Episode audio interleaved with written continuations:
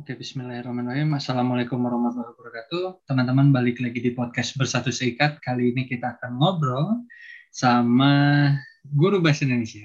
Nah, namanya Winnie Siti Alawiyah. Nah, apa aja kegiatannya sekarang dan juga kenapa Winnie memilih di bahasa Indonesia. Nah, sebelum mendalami itu kita akan kenalan dulu. Win silahkan kenalan dan juga ceritakan mungkin sedikit aktivitas sekarang ngapain. Oke Kak Uji, makasih Kak sebelumnya. Uh, nama saya Winnie Siti Alwia. Kalau yang udah akrab biasanya manggil saya Cece. Orang pasti agak bingung Cece itu apa sih? Bukan Cici kayak orang-orang Cina ya. Ini Cece Sunda gitu. Jadi kan uh, anak cewek ya. kedua ya? dan punya adik jadi dipanggil Cece. Jadi kalau udah yang akrab tuh pasti tahu Cece Cece gitu. Kalau orang yang ngerti ih apa sih kok jadi ke Cece? gitu. Ya saya dipanggil Cece lulus dari S1 Pendidikan Bahasa Sastra Indonesia. Jadinya sekarang ngajar bahasa Indonesia juga di SMA sekarang aku ngajar di SMA PU Albayan Putri Kak. Oke. Tadi karena kan uh, di itu ya di bahasa Indonesia nih gitu. Nah waktu hmm, SMA emang udah oh pengen pengen kuliah bahasa Indonesia deh. Emang milih nah ini lucu nih kak. atau atau jebakan maut. Bahaya gitu maksudnya. kayaknya jebakan. Iya ini ini jebakan sih kayaknya. Jadi pernah tuh kak satu waktu aku tuh sebenarnya sukanya biologi kan ya kayak jadi dari dulu tuh udah pokoknya mau masuk jurusan biologi. Sampai guru di sekolah pun win biologinya jadi ya? Waktu itu kan ikutan olimpiade biologi juga kebetulan. Tapi nggak juara ya. Udah gitu pas kelas 3 pokoknya di mindset kepala tuh pokoknya pengen masuk jurusan pendidikan biologi kalau enggak biologi murni. Tapi ada satu kejadian itu benar-benar yang menentukan takdir. Di kelas tuh kak waktu itu ada satu anak. Ini kalau anaknya dengar mungkin dia uh, merasa bersalah ya. Gak juga. Nah jadi ada satu anak di kelas yang dia tuh rame banget. Terus dia nanya kan sama teman-teman eh kamu jurusan apa? Kamu jurusan apa? Terus dia nunjuk-nunjuk itu kita harus beneran langsung ngejawab. Kalau enggak dia tanya terus. Nah waktu itu aku bilang pendidikan biologi nggak sadar pas ngisi form waktu 2009 itu kan kita masih isi form ya belum online. Pas isi form tuh yang dimasukin di awal itu pendidikan bahasa dan sastra Indonesia. Sedangkan biologi di kedua sama ketiga. Aku nggak sadar tuh kak. Sadar-sadar pas waktu tes waktu ke Cianjur kita berangkat tuh satu rombongan sama guru fisika gitu. Pas di mobil disuruh cek uh, kelengkapan pas cek kartu eh ternyata kok ini kode bukan kode biologi gitu ya. Udah panas dingin. Eh ternyata bukan. Bener itu pendidikan bahasa sastra Indonesia UPI gitu. Pokoknya pas tes aja udah ya ampun gimana dong nih kalau lulus gitu ya. Dan ternyata lulus tuh kak.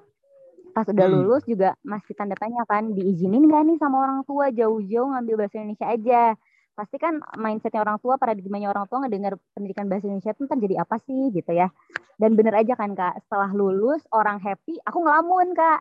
Ngelamun dulu. Aduh gimana dong ini? Dan akhirnya orang tua pun galau kak antara ngizinin atau ikut tes yang lain. Hmm. akhirnya aku juga mikir ya udah deh nunggu tes yang lain gitu. Kali aja dapet biologi.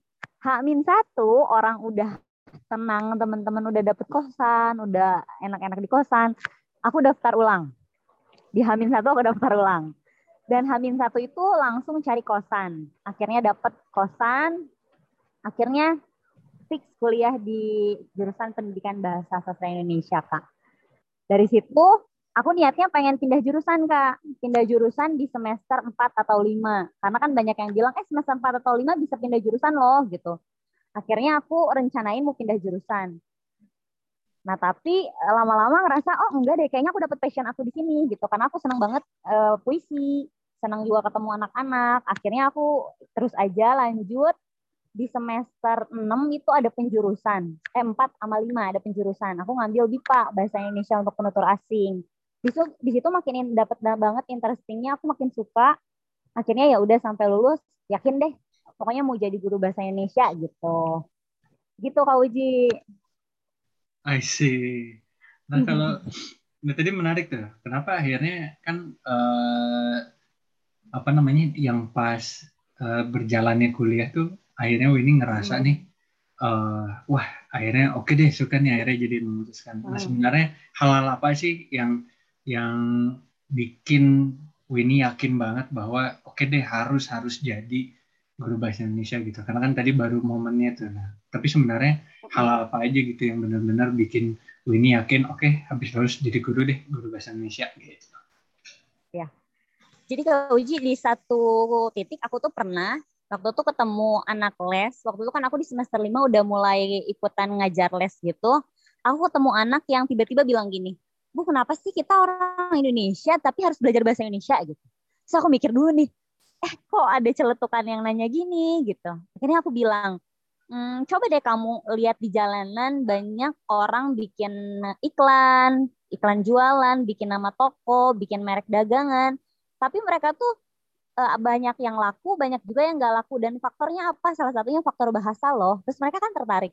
Gimana gimana bu? Coba ceritain. Akhirnya aku bahas tentang sebetulnya bahasa Indonesia itu ilmu hidup yang setiap hari kita tuh ketemu gitu. Dan yang pasti bahasa Indonesia tuh gak akan lepas dari kehidupan kita sebagai orang Indonesia. Contohnya kayak orang jualan. Mereka pengen taktik marketingnya salah satunya mainin bahasa Indonesia. Mainin prokem mainin singkatan yang ada di bahasa Indonesia. Terus kamu di dunia formal mau bikin surat mau bikin lamaran mau bikin apa ketemunya bahasa Indonesia gitu. Jadi kalau ditanya kenapa? Ya karena itu aplikasinya di kehidupan kita. Akhirnya si anak oh iya iya. Oh iya bu. Iya iya iya. Kayak gitu. Tapi kenapa sih? Akhirnya dia nanya lagi. Tapi kenapa sih kalau ada soal suka menjebak? Terus aku bilang sebetulnya bukan menjebak. Ya kalau nggak ada uh, jawaban yang mirip nanti orang nggak bisa belajar kesalahan dia di bagian apa. Gitu. Itu salah satunya kak uji. Terus uh, satu lagi waktu penjurusan. Waktu itu kan penjurusan ada uh, ada dua ya kak waktu itu kita mau pilih BIPA atau satu lagi aku lupa dua jurusan. Nah aku mikir ini BIPA apa sih gitu. Akhirnya dosennya bilang BIPA itu bahasa Indonesia untuk penutur asing. Artinya kita ngajarin ke orang asing. Terus aku mikir emang ada ya bule yang tertarik gitu. Waktu itu belum melek kan, belum melek bahwa orang bule itu banyak gitu yang mau belajar bahasa Indonesia. Akhirnya belajar masuk jurusan BIPA dan makin tertarik aja Kak Uji sampai uh, skripsi aku pun tentang BIPA meskipun jadinya aku wisudanya mundur dari target yang dipengen tapi aku puas gitu. Karena aku uh, waktu itu subjeknya kan orang BIPA-nya. Bule-bule kebetulan bulenya itu waktu waktu itu keburu libur. Keburu libur data aku kurang akhirnya aku ngulang dari awal diminta sama dosennya disaranin supaya aku ya bagus hasilnya gitu itu salah satunya kak uji yang bikin aku oh iya akhirnya aku mau ah jadi guru bahasa Indonesia kenapa enggak toh yang diajarin banyak manfaatnya gitu. Awalnya aku insecure kak. Awalnya aku mikir hmm. ih orang lulusan biologi guru biologi keren. Lulusan fisika guru fisika lebih keren. Ih aku kok guru bahasa Indonesia gitu apa kerennya? Awalnya gitu kak. Aku dapat confidence tuh susah banget dapat kepercayaan diri tuh susah lama banget I see. Terus kalau mm. nah, ngomongin tadi confidence tuh, terus akhirnya mm. di titik mana tuh akhirnya confidence-nya oke okay, gitu ini nggak ada permasalahan selama ini tuh eh, baik-baik aja kok dan malah ternyata asik nih di sini gitu. Nah itu kapan ngerasa kayak gitu? Sebelumnya lama banget tuh kak. Abis lulus tuh aku belum belum percaya diri banget. Abis lulus aku pertama ngajar tuh karena nemu uh, nemu tempat kerja pun belum ke sekolah waktu itu di tempat bimbel gitu di awal mas uh, awal lulus itu di tempat bimbel kan otomatis ketemu anak-anak tuh ya bukan di lingkungan formal. Di situ oke okay, masih uh, ada muncul kepercayaan diri tapi nggak sepenuhnya. Nah pas aku terjun ke dunia formal yang sekolahan aku mulai naik turun. Belum benar-benar dapat kepercayaan diri karena apa? Ngelihat anak yang beragam di kelasnya. Ngelihat guru-guru senior yang Eh, anak-anak lebih percaya sama guru senior dibanding kita yang baru kalau kita nggak punya sesuatu yang menarik yang bisa bawa mereka percaya bahwa kita uh, punya ilmunya. Itu kan lama banget. Sampai pada akhirnya kak karena aku tuh punya satu nasihat dari almarhum mama almarhum mama tuh pernah bilang gini kalau kamu mau bikin orang seneng kamunya dulu harus seneng gitu. Aku selalu kepikiran kayak gitu. Akhirnya aku tiap mau ngajar aku bikin diri akunya senang dulu. Sampai uh, satu ketika kalau aku ngajar suka tiba-tiba aku ngasih challenge sama anak-anak atau break di tengah-tengah pelajaran tuh tapi akunya happy. Jadi anak-anaknya juga ikut happy. Dan aku pernah ngajar waktu itu di SMK karena aku ngeberaniin diri untuk ngajar di dua sekolah karena waktu itu pengen banget punya banyak pengalaman di SMK tuh. Dan aku baru tahu bahwa memang betul bahwa pendidikan di Indonesia itu bisa kita bilang kurang merata ya karena orang daerah ternyata pendidikannya ya seadanya gitu. Dalam arti mereka yang nggak antusias padahal fasilitas ada atau kebalikannya. Nah aku masuk ke sekolah kayak gitu, terus pas masuk kelas itu satu kelas tuh anaknya cowok semua, anak teknik, dan aku langsung dikasih amanah jadi wali kelas. Di situ aku mikir, aduh ini bebannya berat banget gitu. Tiap ngajar pun butuh uh, tenaga ekstra. Pokoknya kalau keluar kelas udah lemes aja karena suara harus kenceng. Tapi setelah aku keluar kelas aku ada kepuasan tersendiri karena mereka jadi, oh, oh ternyata bahasa Indonesia gini ya. Oh asik juga ya gitu. Meskipun di awal-awal aku kaget di tasnya tuh mereka nggak pada bawa buku. Kalaupun ada bawa buku, bukunya cuma satu. Sisanya adalah barang-barang yang kalau aku bilang bisa sesuatu yang mengerikan ya kayak ya. namanya anak SMK aku baru tahu. Ada yang bawa gear kak. Ada yang bawa sabuk. Ada yang bawa apa ya pokoknya alat-alat tajam gitu. Akhirnya aku nasehatin pelan-pelan mereka nggak bawa itu dan bawa buku. Ya pokoknya gitu kak. Akhirnya dari situ aku ngerasa percaya diri. Oh oke. Okay. aku bisa nih ngajarin bahasa Indonesia tapi nggak boring gitu. Aku bisa nyampein sesuatu kalaupun ada pasti aku nggak pernah selamanya bisa bagus gitu di kelas. Banyak banyak waktu aku gagal terus aku belajar lagi oh iya kayaknya pakai cara yang lain deh. Kelas ini nggak cocok nggak sama kayak kelas yang lain kalau aku bawain kayak gitu. Gitu kak Uji. Makanya aku dapat rasa percaya diri itu dari pengalaman.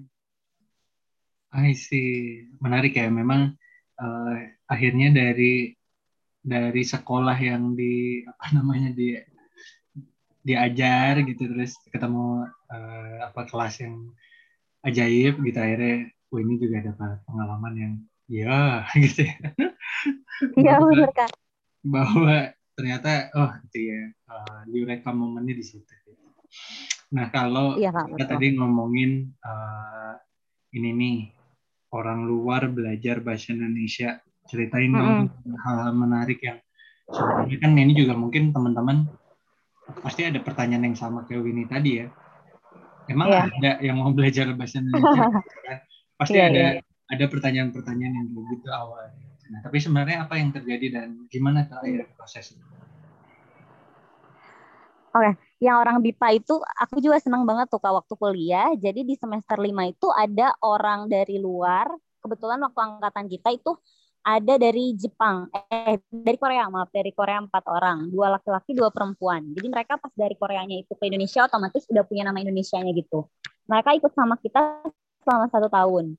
Pokoknya lucu banget ternyata banyak hal yang, ih ternyata uh, pelafalan kita lebih kompleks dan bagus ya dibanding orang luar gitu. Sampai kita tahu itu karena mereka punya kekurangan gak bisa ngucap R yang R yang jelas gitu kayak gitu gitu. Terus mereka tuh shock budaya juga uh, culture shock gitu lah ya pas datang Indonesia. Karena dari makanan kemudian dari udara sempat yang orang Korea itu mereka kan dapat penginapan di dormitory UPI waktu itu.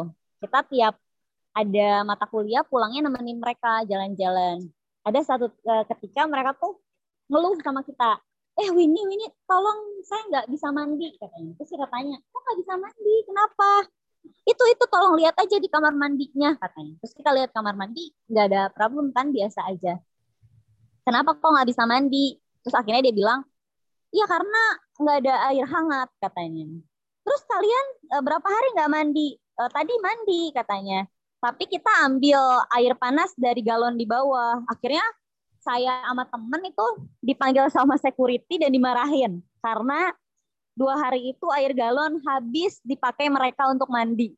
Oh gitu Auji. Ada gitu yang paling lucu tuh mereka ke kampus pakai tas eh, tas cewek yang mereka anggap itu tas cowok. Udah itu mereka kabur dari kelas demi untuk jalan-jalan ke Jogja.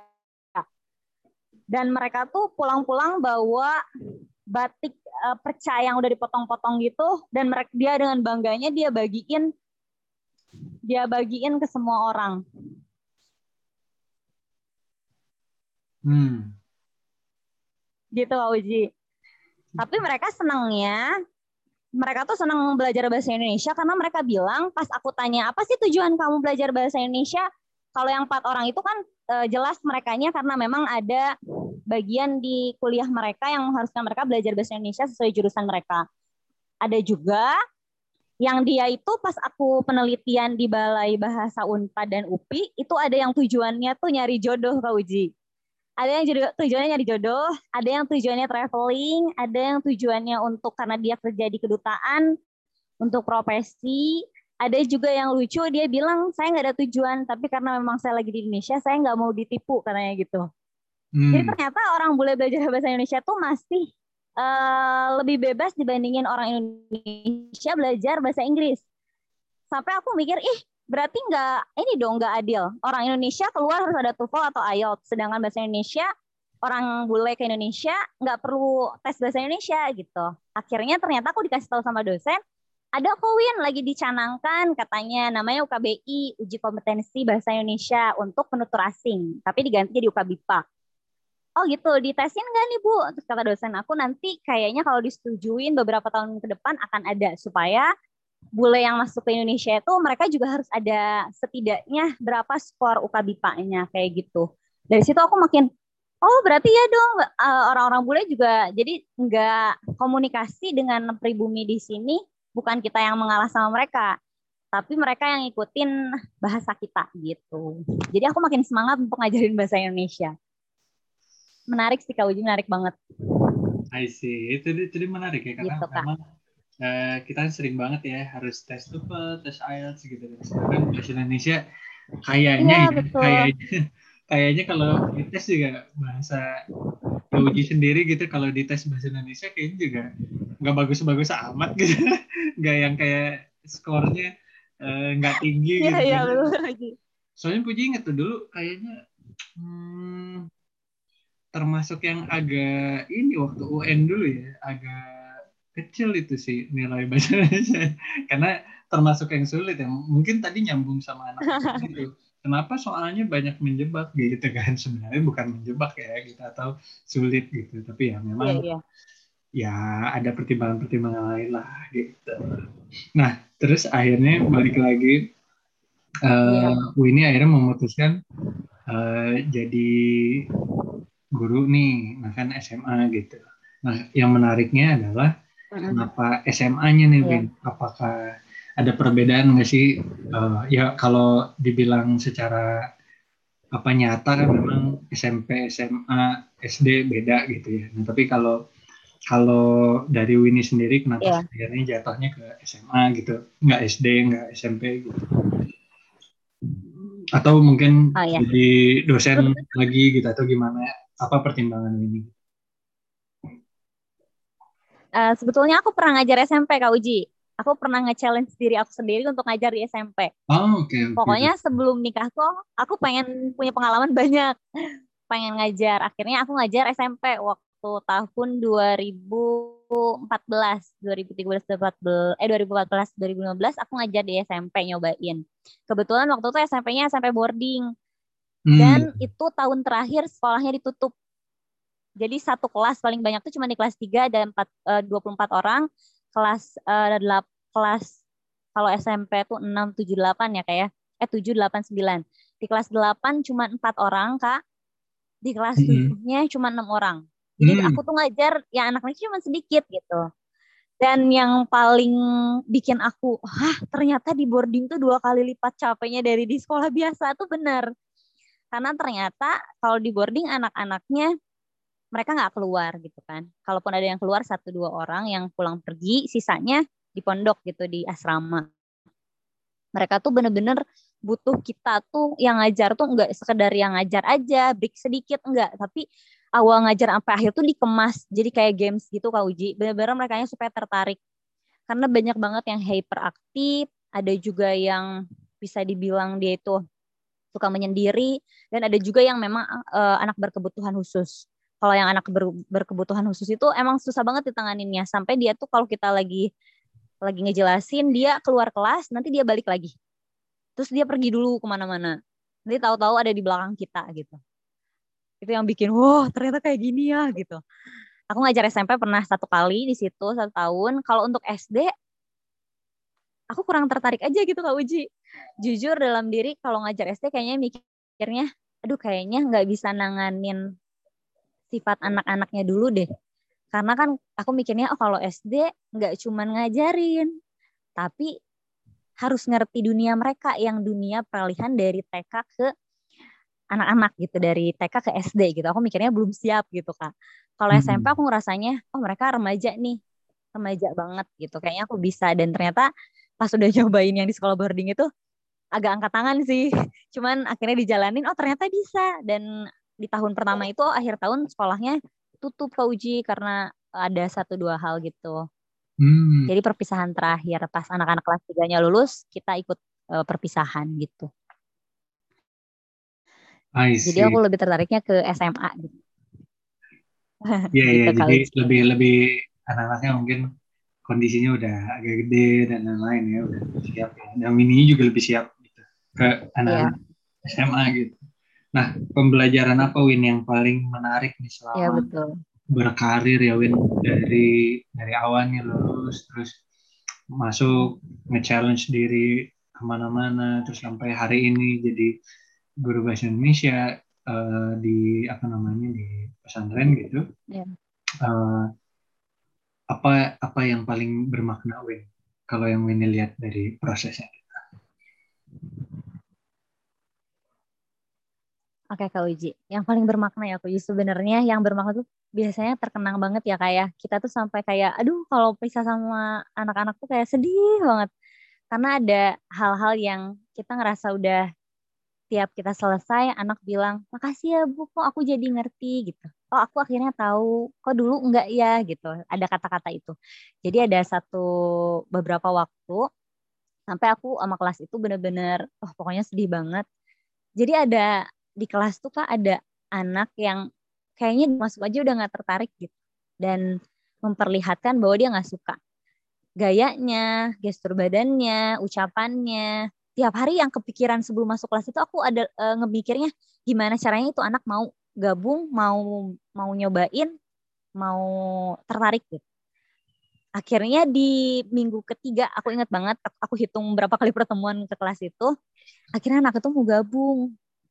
Anak itu mau nyobain. Itu waktu itu pembelajarannya materinya materi baca puisi.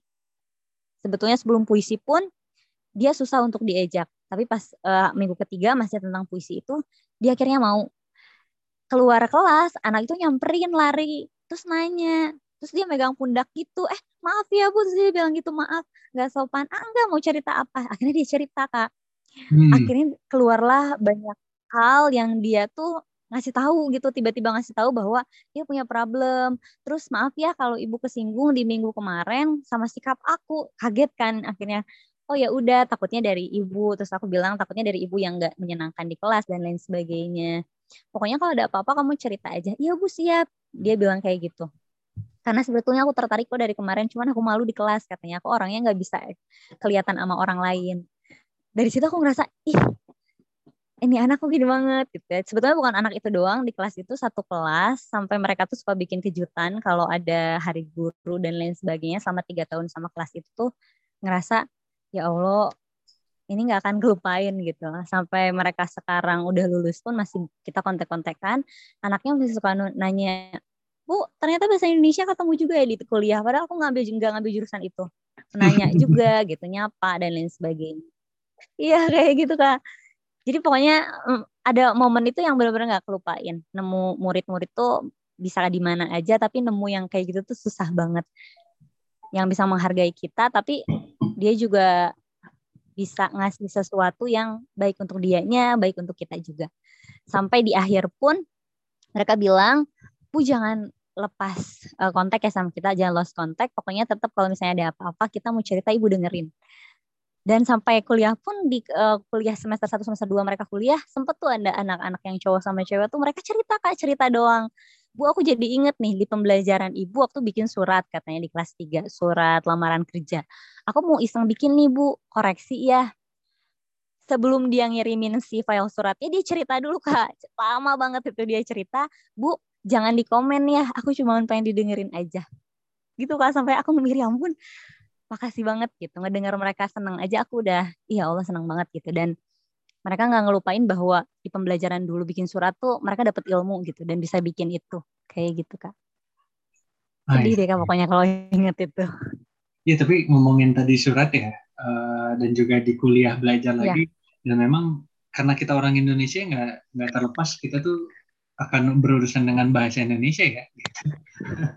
Jadi uh, ya benar kak. Bukan surat, yang ngomong. Ya sekarang aja kita pakai bahasa Indonesia bikin podcast kan. Terus uh, Iya betul betul. Banyak hal lah ya gitu bahasa Indonesia gitu. Ya, uh, ya. Nah akhirnya ke kehidupan mereka tuh sebenarnya ya kepake pasti dan penting banget gitu. Nah kalau ngomongin ini Win, uh, tadi tuh sempat uh, ibu ya ibunya Win itu cerita gitu, mama cerita ada ujangan lah gitu. Yeah. Nah ada lagi nggak sih ujangan mungkin dari, yeah. dari siapa, entah itu dari mama lagi atau dari orang lain yang Winnie ngerasa bahwa ujangan ini tuh mengubah hidup Winnie gitu. Dan sampai hari ini tuh tetap jadi apa ya nilai-nilai yang dijunjung tinggi lah istilahnya gitu. ada nggak? Dari siapa dan ada apa? ada kak. Jadi ada satu orang dari temen aku temen kuliah. Dia orangnya kelihatan cuek padahal di dalamnya perhatian banget hmm. dia pernah bilang gini Win kalau kamu setengah-setengah mending jangan. Kalau mau coba apa-apa maksimal. Karena kalau udah maksimal hati kamu tenang sisanya serahin sama Allah. Dari situ aku mikir ih kok orang ngomong gitu sih ngedenger serahin ke Allah jadi kayak oh ya oke okay deh eh, akhirnya aku kalau coba apa-apa aku harus maksimal gitu. Ternyata bener jadinya kalau aku coba apa-apa kalau udah maksimal udah lega mau nanti dapat apa enggak mau menang atau enggak ya udah gitu. Itu diserahin sama Allah itu waktunya Allah ngasih aja gitu. Karena awal-awal kan aku kalau aku tuh seneng banget eh, nyoba lomba ya kayak ya. mau lomba hmm. apa pun aku tuh seneng banget. Aku seneng ikut lomba. Nah akhirnya eh, beberapa lomba aku tuh selalu, selalu ih bikin aku down. Kok justru ikut lomba bukannya makin percaya diri makin semangat kok makin down terus akhirnya ketemu jangan itu terngiang-ngiang sampai detik ini meskipun aku udah di usia segini aku seneng banget tuh searching-searching nyari lomba jadi kalau mau ikut apa-apa jangan setengah-setengah gitu. Kalau setengah-setengah mending jangan ikut aja. Kita maksimalin. Kalau maksimal nanti hasilnya bisa dikasihin. Nah, itu urusan Allah gitu. Mau kita dapat, mau kita menang atau enggak itu urusan Allah. Kayak gitu kak. I see. Itu ingat banget sampai sekarang. Ya pokoknya kalau ada keraguan di situ udah deh. Entah itu maksimalkan atau pergi jauh ya. Tinggalkan ya karena. Iya benar Aduh, iya. nih kan rasa juga nih. Dari tadi tak tak tak tak tak tak, tak ternyata udah di penghujung nih. Win. Jadi last question nih Win. Uh, buat Winnie sendiri yeah. nih. Apa sih ukuran kesuksesan dan kebahagiaan Winnie? Ukuran kesuksesan. Uh, sebelum aku jawab ini, aku boleh kasih statement dulu nggak kak? Boleh boleh. Bahwa sebelum sebelum ini aku orang yang uh, sangat insecure karena aku dikelilingin teman-teman yang mungkin pencapaiannya sudah sangat tinggi aku selalu berpikir aduh aku kok nggak ada suksesnya ya sedikit pun gitu sampai aku teringat dengan uh, cerita yang kata mama almarhum mama dan temanku yang itu aku langsung mikir ih Win kamu beruntung loh ada di titik ini gitu.